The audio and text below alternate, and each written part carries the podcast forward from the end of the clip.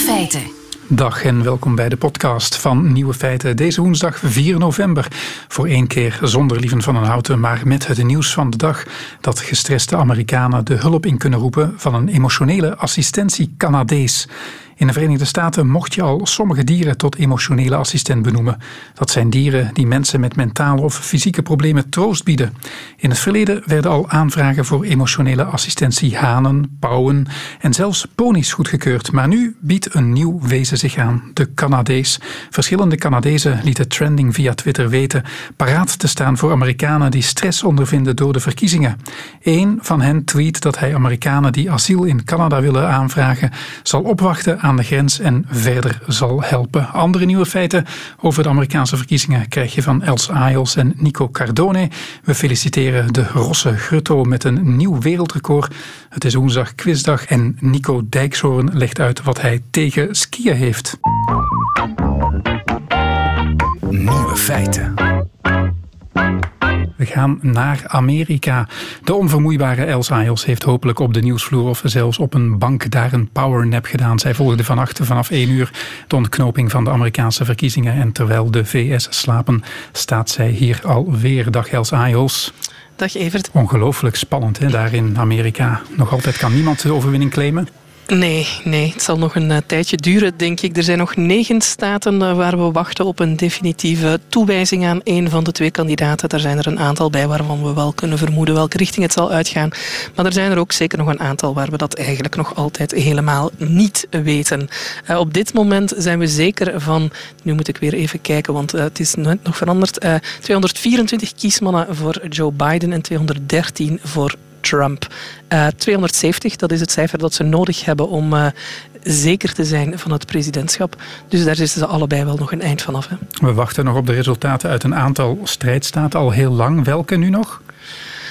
Wel, staten waar het sowieso nog spannend zal zijn de komende uren zijn uh, Georgia, Wisconsin, Nevada, Michigan, Pennsylvania, North Carolina, Arizona ook nog. Dat zijn ze zo een beetje. Dus dat zijn een aantal staten in het Midwesten, zeg maar, hè, waar uh, vorige keer Trump aan de haal ging met de winst heel onverwacht toen. Dat gaat over twee staten, North Carolina en Georgia in het Zuidoosten. Uh, staten die normaal gezien naar de Republikeinen zouden kunnen gaan, maar waar het toch nog altijd spannend is en mogelijk de Democraten nog iets kunnen kunnen doen. Het gaat over Alaska, dat allicht uh, zal gaan naar...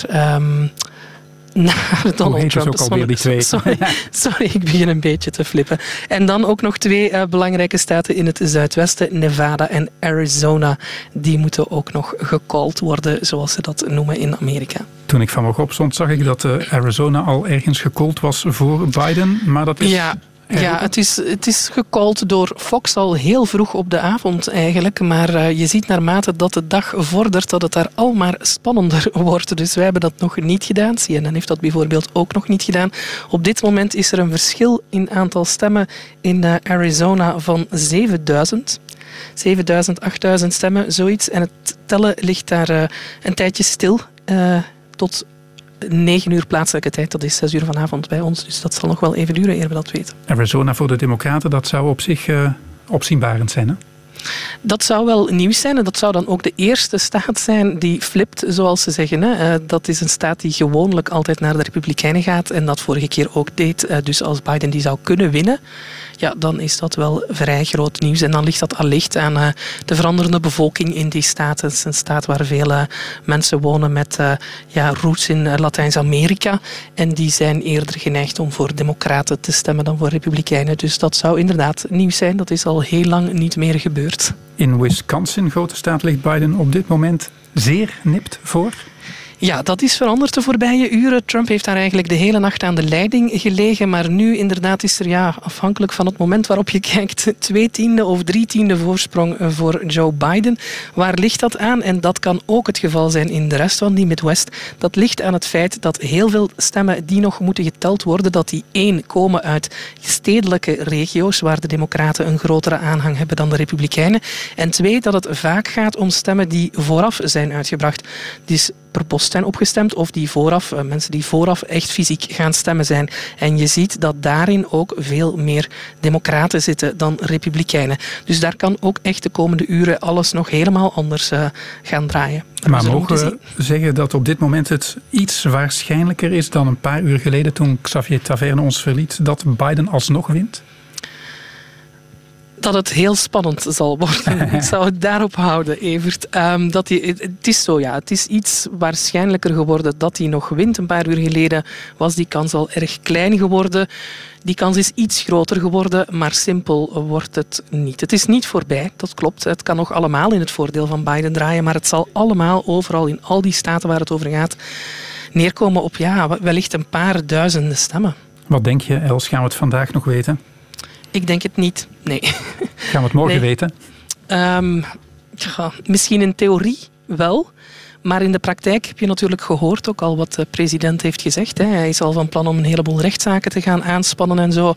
Dus ja, zelfs als, ze, als we er in theorie tegen morgen zouden uit zijn, en je moet er rekening mee houden dat er staten zijn waar de regel geldt tot tot negen dagen na de verkiezingen er kan blijven geteld worden. Dus dat is al de vraag. Weten we het morgen in theorie? Zelfs als dat zo zou zijn, ja, dan moet je nog wachten of die uitslag ook aanvaard wordt door de betrokkenen natuurlijk. Zolang die zeggen, nee, wij leggen ons daar niet bij neer, wij eisen een hertelling, wij gaan naar het Hooggerechtshof, is het niet gedaan. Ook verkiezingen voor het Huis van Afgevaardigden en de Senaat, we zouden het bijna vergeten. Daarover uh, is al wel definitief alles duidelijk? Nee, totaal niet. Ook, ook dat is eigenlijk heel verrassend. Um, nee, daar, daar, daar komt het erop neer ook dat ze allebei een paar, een paar zetels, hier een zetel verliezen en daar weer een zetel winnen. Dus ook daar is het eigenlijk op dit moment een uh, nek-aan-nek race in de Senaat. Uh, in het huis was de meerderheid van de Democraten vrij ruim en daar liggen ze nu ook nog altijd voor. Um, maar het is niet zo dat ze al zeker zijn dat ze die meerderheid behouden. Ook heel belangrijk voor de slagkracht hè, van de nieuwe president. Ja, het is natuurlijk makkelijker voor een president om, uh, om gedaan te krijgen wat hij wil doen als het parlement mee wil. Als je moet merken met een parlement waar iedereen de omgekeerde mening is toegedaan dan de jouwe, ja, dan wordt dat natuurlijk veel ingewikkelder. Dus als je zeker weet dat dat parlement achter jou staat, dan krijg je makkelijker en sneller dingen gedaan. Elsa Jos, ik ga je laten gaan voor die power nap, want je zal het nodig hebben. Je zal de komende dagen nog vaak te horen zijn, denk ik. Feiten. Hoog, Sammy, kijk omhoog. Daar valt in lockdown-tijden van alles te beleven. Er vlogen dit najaar 10.000 koperwieken. Over één vogeltelpost, alstublieft, uit Scandinavië doorkruiste duizenden buizers ons land. Jawel, en twee weken geleden passeerden nog honderden kraanvogels. Goedemiddag, professor Teunis Piersma, hoogleraar trekvogelecologie. Ja, goedemiddag. Ik wil het met u een andere keer hebben over koperwieken, buizerds en kraanvogels, want maar één vogel vestigde deze herfst een nieuw wereldrecord. En dat bedraagt 12.854 kilometer. Die onwezenlijke afstand vloog zonder onderbreking de Rosse Grutto. Mag ik u proficiat wensen, professor? Bent u trots? Ja, nou, ik, ik ben trots op dat we het hebben kunnen meten natuurlijk. Dat is de menselijke prestatie. En die vogels die doen dat uh, als routine. En uh, dat die vogels dat, uh, dat doen, ja, daar ben ik op een bepaalde manier ook wel trots op. Want dat laat zien wat er allemaal mogelijk is in de, in de natuur. 12.854 kilometer. Hoeveel kilometer is dat meer dan het vorige record dat u gemeten heeft? Ja, dat is eigenlijk maar, uh, maar, maar uh, eh, 800 kilometer meer dan het vorige record wat we gemeten hebben. Dat was alweer uh, meer dan 10 jaar geleden. Dat was een, ook een Rosgrutto die van Alaska naar Nieuw-Zeeland vloog. En dat was de allereerste keer dat we konden laten zien dat ze dat doen. En dat was toen uh, misschien wel extra groot nieuws. Tot dat moment alle biologen in de wereld eigenlijk dachten dat uh, langer dan 5000 kilometer vliegen gewoon niet mogelijk was. Nu hadden wij allemaal aanwijzingen op grond van wat er in Alaska gebeurt en wat er in Nieuw-Zeeland gebeurt. Dat die vogels eigenlijk die trek wel in één keer moeten afleggen. Maar dat is natuurlijk nog wat anders om dat werk te laten zien. Dat hebben we tien jaar geleden al kunnen doen. En dat is het record waar we het over hebben. En wat we dit jaar uh, hebben geprobeerd, is om een groter aantal uh, vogels ook met een nog slimmere uh, zender uit te rusten. Om de variatie tussen die individuen te bekijken. Om, om een veel beter beet te krijgen van die enorme trek over de stille oceaan. Een ware heldentocht van Alaska naar Nieuw-Zeeland. Kan u ook dan precies zeggen, als u er een zendertje op geplakt heeft, of ik weet niet hoe u dat doet, wat de precieze route is die die vogel aflegt? Is dat de kortste weg? dat is de kortste weg van Alaska naar Nieuw-Zeeland. Het is nu belangrijk om te vertellen dat die rosse grutto's, die lijkt een beetje op onze grutto, de, de West-Europese grutto, nationale vogel in Nederland. Dat is een weidevogel, maar deze rosse grutto is de grutto van de toendra's. Die broedt op, in noordelijke gebieden, in noordelijke open gebieden, in de toendragebieden van de wereld. We hebben ze hier in ons eh, deel van de wereld hebben ze ook. Die vogels die vliegen naar Centraal-Siberië om daar op de toendra te broeden. Maar zo heb je ook rosse grutto's in Alaska. En die overwinteren in Nieuw-Zeeland. Dus wat nu hier gebeurt, is dat ze van hun broedgebieden uh, gaan ze naar plekken waar ze heel uh, vet worden. Want dat kost natuurlijk wel veel energie om naar Nieuw-Zeeland te vliegen. Die vliegen naar Nieuw-Zeeland. Maar als ze uh, in maart weer aan de Noordwaartse trek beginnen, dan vliegen ze niet in één keer over de Stille Oceaan. Dus dan nemen ze niet de kosten weg. Dan vliegen ze eerst, dat is nog steeds 9 tot 10.000 kilometer, in één keer naar China en Korea, naar de Gele Zee. Uh, blijven daar een maand om weer op krachten te komen en vliegen dan de 8000 kilometer naar Alaska. En weet u waarom ze het in één trek doen als ze, als ze heen gaan? Wat, wat is, is een voordeel om niet uit te rusten of niet bij te eten? We denken dat uh, als je op de broedgebieden aankomt, dan heb je, uh, je komt dan aan op het moment dat de sneeuw net smelt. Of misschien de sneeuw is nog niet gesmolten.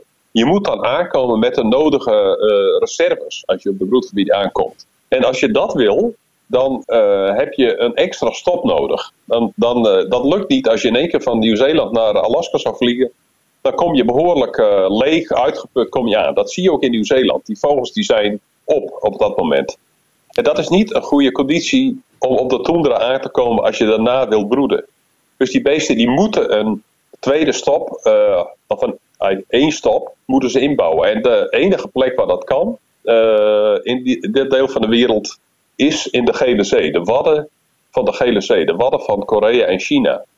Daar vetten ze op en dan vliegen ze naar Alaska. Maar dat betekent dus wel dat ze 6000 kilometer extra moeten vliegen. Om dat voor elkaar te krijgen. Dat opvetten, uh, dat is een echte schranspartij die, die die vogels inzetten voor ze vertrekken? Ja, dat klopt. In uh, Zuid-Alaska, de Yukon Quint Delta heet die. Daar is uh, veel te eten voor die beesten. Het is, lijkt trouwens sprekend op onze, onze Waddenzee hier in Nederland. Uh, ze eten er ook dezelfde dingen als onze rossengrote hier in de Waddenzee eten. Nonnetjes, een scheldier en watpieren. Uh, en dat eten ze daar ook. En dat komt daar in grote hoeveelheden voor. Ze moeten gewicht bijwinnen. Hoeveel gewicht winnen ze bij? Uh, ja, je moet je voorstellen dat, dat ze in, in gewicht verdubbelen. Dus die vogels op het moment dat ze vertrekken uit Alaska, dan zijn ze ongeveer 500 gram. Uh, op, een, uh, op een aankomstgebied van 200, 250 gram. Terwijl ik mij altijd heb laten vertellen dat vogels goed kunnen vliegen omdat ze holle botten hebben en licht zijn. Dat, dat klopt, klopt niet. Ook. Nou ja, dat klopt wel. Je hebt natuurlijk uh, je hebt energie nodig voor die vlucht. Dus op, je kunt je voorstellen dat als je heel veel moet eten en heel veel voedsel moet processen, dan heb je grote maag nodig, dan heb je grote darm nodig, dan heb je grote lever nodig. Maar als je moet vliegen en je eet niet, want die vlucht die duurt tien dagen wel, dan heb je dat allemaal niet nodig. Want dan heb je vooral veel bloed nodig, wat uh, energie, uh, wat zuurstof rondpompt, zodat die spieren kunnen werken. En je hebt grote spieren nodig. Nou, dat is exact wat er gebeurt in de week voordat ze vertrekken uit Alaska. Wat ze dan doen, is ze krimpen de, de grootte van de maag, ze krimpen de grootte van de lever, ze maken de darm kleiner en ze maken de borstspieren, de vliegspieren, die maken ze groter en ze verdikken het bloed, zodat hij meer zuurstof kan vervoeren. Ze zijn in staat dus om hun ingewanden in te krimpen en die te, laten, die te vervangen eigenlijk door vet en spieren. Ja, en dat is natuurlijk steeds om zo licht mogelijk te zijn, ook al zijn ze heel zwaar. Want waar ze dan voor 55% uit bestaan, is domweg vet. Ze hebben heel veel vet nodig natuurlijk om die enorme afstand af te leggen. Dus dat is uh, een, een, soort fysiologische prestatie. Nou, als je nou ergens trots op zijn, zou dat het misschien zijn. Ze zijn dus in staat om enorm vet te worden. Ze zijn in staat om hun organen die ze niet nodig hebben onderweg om die te krimpen. En ze zijn in staat om tien dagen lang met hoge energie en spanning door te vliegen zonder te slapen. Dus dat is werkelijk ongelooflijk. Over het algemeen ze ongeveer 1000 kilometer per dag. Verwacht u dat het record uh, meer. dat nu gevestigd is, 12.854 kilometer, dat dat nog verbeterd gaat worden? Ja, dat denk ik eigenlijk wel. Omdat uh, dat, uh, de vogel die nu dat record gebroken heeft, die overwintert in centraal Nieuw-Zeeland, in de buurt van Auckland.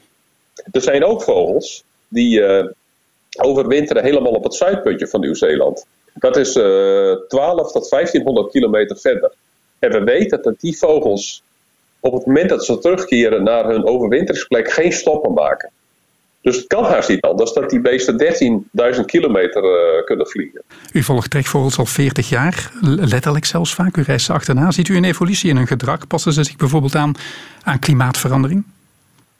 Ja, dat gebeurt ontzettend veel natuurlijk. Dus uh, die vogels die moeten zien te leven in een wereld die heel snel verandert. Die verandert heel snel doordat uh, mensen van anders in die wereld veranderen. En met name in China en Korea waar ze dus moeten opvetten voordat ze die 8000 kilometer naar Alaska vliegen, daar is heel veel veranderd de afgelopen 30 jaar.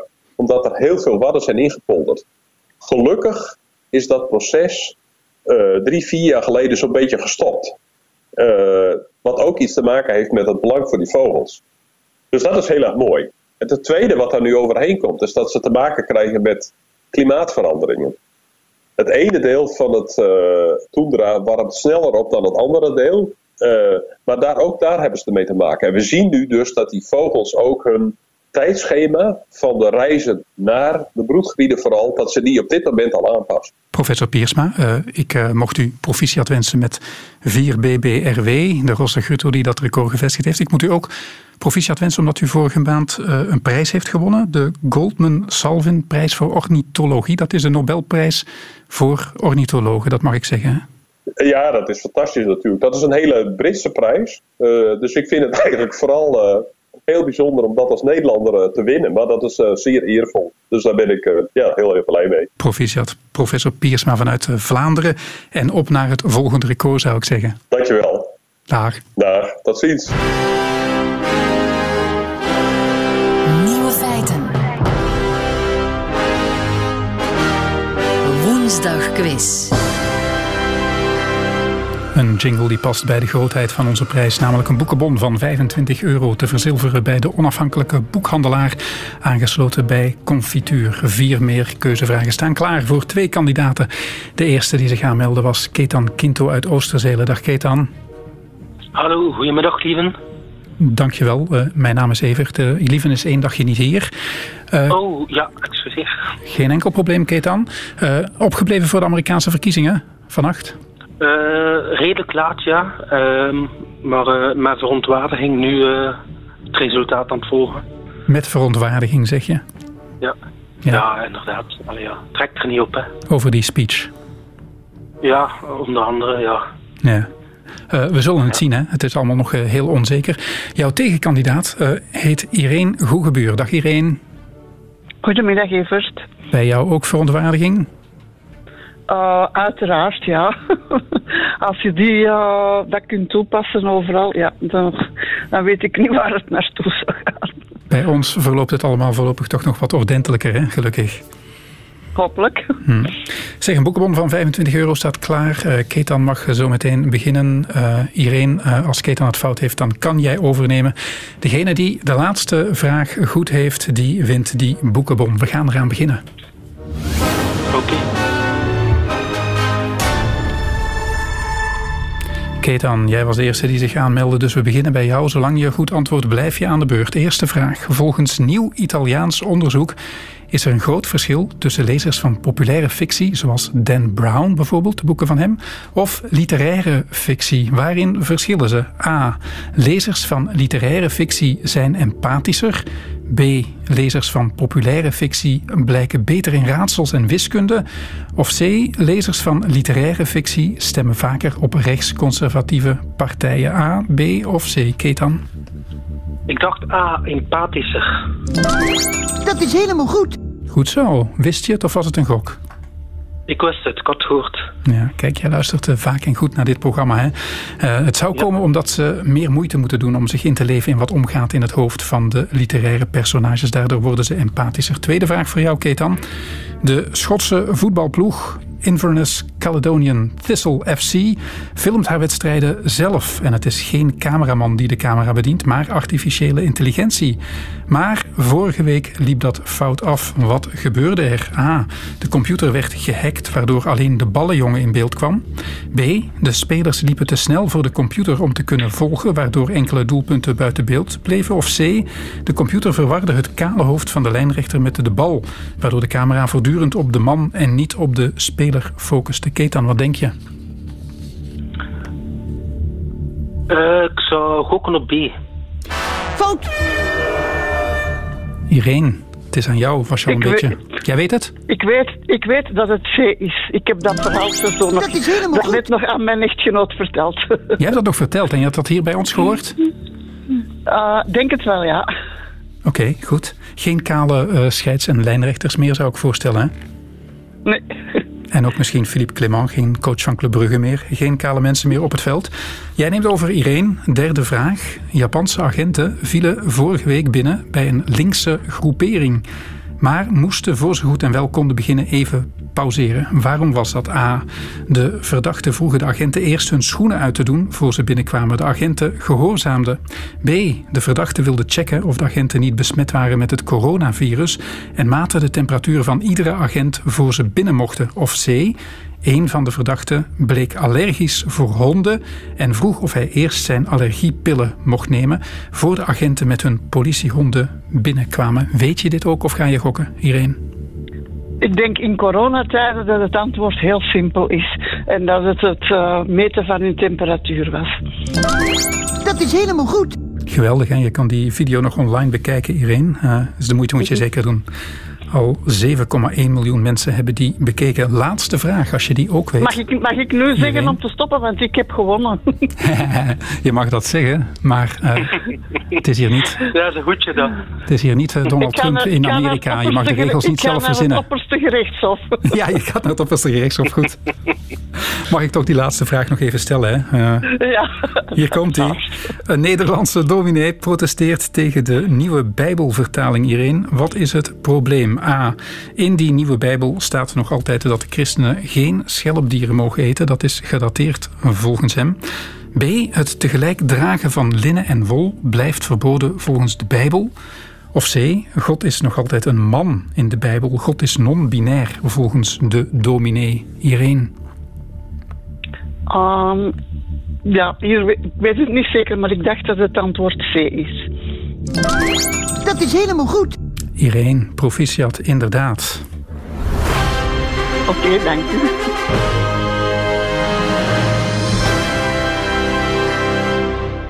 Tenzij uh, Ketan nog naar het oppergerechtshof wil stappen. Ketan? Ja, ja, zeker. Het is al in hang gezet. Ja. Ja, ja, ja. Dus uh, verwacht en ik heb- er maar aan. Ze. Ja, mijn advocaat staat ook al klaar. Ah, ja. Voorlopig is die boekenbon van 25 euro voor jou, Irene. Oké, dank Maar u. het kan zijn over een maand of zo dat hij toch nog naar Ketan gaat. eh. Ja, ja, dat zullen we hem delen. En Ketan, jij kan eh, ook nog quizzen voor een boekenbon online op radio1.be, want daar hebben we er ook nog eentje van 25 euro klaar liggen in te wisselen bij de onafhankelijke boekhandelaar aangesloten bij Confituur. Prettige dag nog allebei, hè? Nieuwe feiten. En heel wat mensen zaten vannacht natuurlijk voor hun painted glass en anders vanmorgen wel om die Amerikaanse verkiezingen te volgen. Nico Cardoen is erbij komen zitten. Dag Nico. Goedemiddag. Woorden van Els Ayels dat we nog altijd wachten op een definitieve uitslag. Maar volgens eh, Trump is die er natuurlijk This al. is a major fraud in our nation. So we'll be going to the U.S. Supreme Court. We want all voting to stop. We don't want them to find any ballots at four o'clock in the morning and add them to the list. We will win this, and we, as far as I'm concerned, we already have won it. We want all votings to stop, zegt hij. Ja, een uitspraak waar veel om te doen is. Hè. Zullen we het even eerst over die uitspraak zelf hebben? Want daar is ook veel discussie over. Hij zegt dus inderdaad, we want all votings to stop. We don't want them to find any ballots at 4 o'clock in the morning and add them to the list. Hij zegt dus niet, we want all countings to stop. Want dat zeggen veel mensen, ja, ze willen dat eh, ze stoppen met tellen. Maar eigenlijk bedoelt hij dat wel. Hij gelooft dat mensen nog massaal zullen stemmen nadat de stembureaus gesloten zullen zijn. Als ze zien dat Trump in bepaalde staten wint, dat dan mensen toch nog massaal stemmen stembiljetten gaan komen afgeven, waardoor het dan alsnog Biden zou worden in die staat. En zo is het dus fraude volgens hem. Hij wil dus dat die stemmen per post dat die niet meer toegevoegd worden aan de kiesresultaten. Dus hij wil wel degelijk dat er gestopt wordt met het, het tellen van die stemmen, die, die stemmen die per post zijn uitgebracht. En dan komt daar veel reactie op natuurlijk eh, van de democraten in eerste instantie. Die zijn in rep en roer. Maar ja, wat had je anders verwacht? Dat is natuurlijk logisch. Maar als we in de VS gaan kijken, zien we toch ook wel wat uh, reacties vanuit dat uh, conservatievere kamp. Te beginnen met de vicepresident Mike Pence. Die heeft het podium betreden vlak na Trump, dus eigenlijk maar twee minuten later. En die zei toch ook al wel meteen, ja, het recht om te stemmen is de fundering van onze natie. Dat zullen we beschermen. En hij wou ook die overwinning niet claimen. Dus twee minuten later was Pence toch al meteen veel... Dat was toch opvallend, hè? Dat was toch al wel opvallend. En uh, ook opvallend is de gouverneur van New Jersey. Dat is een republikein, dus de partij van Trump. Is ook een belangrijke adviseur van Donald Trump. En ook, zeer belangrijk, een procureur geweest. Chris Christie. Ook hij zegt heel formeel alle stemmen moeten worden geteld. Hij noemt de uitspraken van Trump strategisch en politiek een slechte beslissing. Um, en hij zegt ja, dat hele systeem in Pennsylvania, waar stemmen nog kunnen toekomen tot drie dagen na de verkiezingen, als een stempel op de envelop maar van voor de verkiezingen dateert, ja, dat systeem dat moeten we misschien herbekijken, maar daar is het nu niet het moment voor. Alle stemmen moeten worden geteld. En zelfs Fox News, toch in dit geval ja, een zender die zeer republikeins gezind is, heeft letterlijk gezegd Trump went too far. Dat is meestal een graadmeter. Als Fox News het niet met hem eens is, dan is hij dan inderdaad... wil dat al iets zeggen, ja. Ver gegaan. Uh, andere wereldleiders, uh, want die zijn misschien al wel wakker ondertussen. Zijn er al reacties? Ja, internationaal is het nog vrij rustig. Dat heeft er natuurlijk mee te maken met het feit dat de uitslag nog niet definitief is. Veel wereldleiders willen toch eventjes wachten tot we echt weten hoe het zit. Maar bijvoorbeeld in Duitsland is er al gereageerd. De minister van Defensie daar zegt zeer ongerust te zijn. Annegret Kramp Zo heet ze. Ze zegt dat het een zeer explosieve situatie is in de, in de VS. Een institutionele crisis waar we ons allemaal zorgen over moeten maken. De Duitse minister van Financiën voegt daar nog aan toe dat we er ook met z'n allen op moeten staan dat alle stemmen daar worden geteld. Um, Iets minder ongerust zijn ze in het Verenigd Koninkrijk. Dominic Raab, de minister van Buitenlandse Zaken daar, die heeft het volgende gezegd. Look, we, we're not going to comment or be drawn into the heated aftermath of election night, but the one thing we're very confident about is that the checks and balances in the US system will produce a definitive result. We're going to wait and see what that is. Ja, hij dus- heeft er vertrouwen in. Ja, hij heeft het over de checks and balances. Hij heeft er vertrouwen in dat die zullen werken en dat we dus een definitieve uitslag zullen krijgen. En wie het ook wordt, voegde hij eraan toe, de vriendschap tussen de VS en het Verenigd Koninkrijk, die zal sowieso sterk blijven. En dan heb je nog uh, iemand die nog minder voorzichtig is, dat is de premier van uh, Slovenië. Dat is Janez Jansa. Hij is bekend omdat hij ook wel heel erg eurokritisch is. Hij is een vriend van Orbán. Hij heeft Trump al openlijk gefeliciteerd met zijn overwinning. Hij zegt, het is duidelijk. Het Amerikaanse volk heeft Donald Trump tot president verkozen. Hoe langer dit allemaal duurt, hoe meer de media die overwinning ontkennen, hoe mooier en hoe groter die triomf zal zijn. Dus wat hem betreft is alles al wel duidelijk. Maar de echte belangrijke regeringsleiders wachten tot er iets definitief is waarschijnlijk. Er is één presidentskandidaat, eh, Nico, die er al uitgestapt is. Ja, inderdaad. Er is één presidentskandidaat die officieel zijn nederlaag al heeft toegegeven. En dat is Kanye West, de rapper. Jawel, die was ook nog steeds kandidaat. Is dat nog mee in de race? Hij heeft een foto van zichzelf gepost met de, met de hashtag Kanye 2024. Dus uh, hij komt nog wel terug. Volgende keer beter. Nieuwe feiten. Middagjournaal. Beste luisteraars. Als ik het goed begrijp en als ik de berichtgeving over de Amerikaanse verkiezingen goed interpreteer, dan kan de opwarming van de aarde alleen nog maar worden gestopt als een of andere gek in Pennsylvania met een Amerikaanse vlag op zijn wangen het goede of het slechte stemhokje heeft ingevuld. En dat is natuurlijk onzin. In Amerika vindt precies dezelfde ontwikkeling plaats als in Europa. De onderbuik regeert. De waan van de dag regeert. De wereld bestaat voor miljoenen kiezers alleen uit hun voortuin en hun voetbalclub. Hier in Nederland wordt nog steeds net gedaan alsof we het braafste jongetje van de klas zijn. Maar gisteren sloot onze regering alle theaters, musea en bioscopen. Ik trad een week geleden op met mijn bandje voor 30 mensen en ik heb me de laatste maanden nog nooit zo veilig gevoeld. Het leek een militaire operatie. Het was alsof ik voor gedetineerden optrad. Het hele optreden lang was iedereen zeer gedisciplineerd. Geen enkele kans op besmetting. Wat nog wel mag, winkelen en naar de sportschool gaan. En vooral dat laatste verbaast mij. We mogen dus niet met 30 man in een zaal gaan zitten met 1600 stoelen. En we mogen niet met een paar mensen door een immens museum lopen. Maar we mogen wel vocht en lucht uitademend als een dampende os met tien andere ijdeltuiten aan onze buikspieren gaan werken. Ik had eigenlijk niet anders verwacht. In het huidige Nederlandse kabinet wordt cultuur geminacht. Er wordt lacherig gereageerd wanneer iemand zegt dat juist nu een bezoek aan een museum het hoofd weer wat lichter kan maken. In een televisieprogramma verklaarde een van onze ministers twee jaar geleden dat loodgieters meer respect verdienen dan kunstschilders. Want zij maken in ieder geval iets nuttigs. Ik weet eigenlijk niet meer hoe je daarop moet reageren. Een loodgieter zorgt dat je kraan weer loopt en dat je je pan weer schoon kunt maken. En een kunstenaar maakt je hoofd schoon. Ik zie geen verschil, allebei zijn ze heel belangrijk.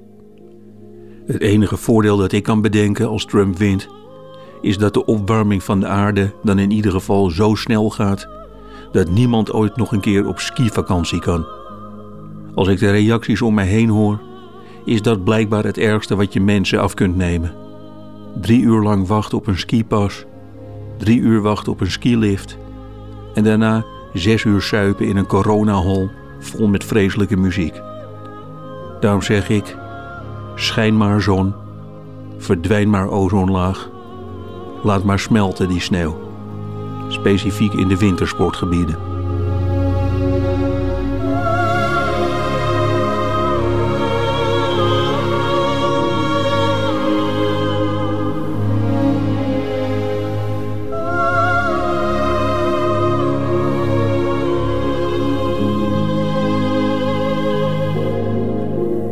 Dit was de podcast van Nieuwe Feiten van woensdag 4 november. Wil je de volledige uitzending met muziek beluisteren? Dan kan dat op radio1.be. En morgen zijn er weer nieuwe feiten met Lieven van den Houten dan, de enige echte.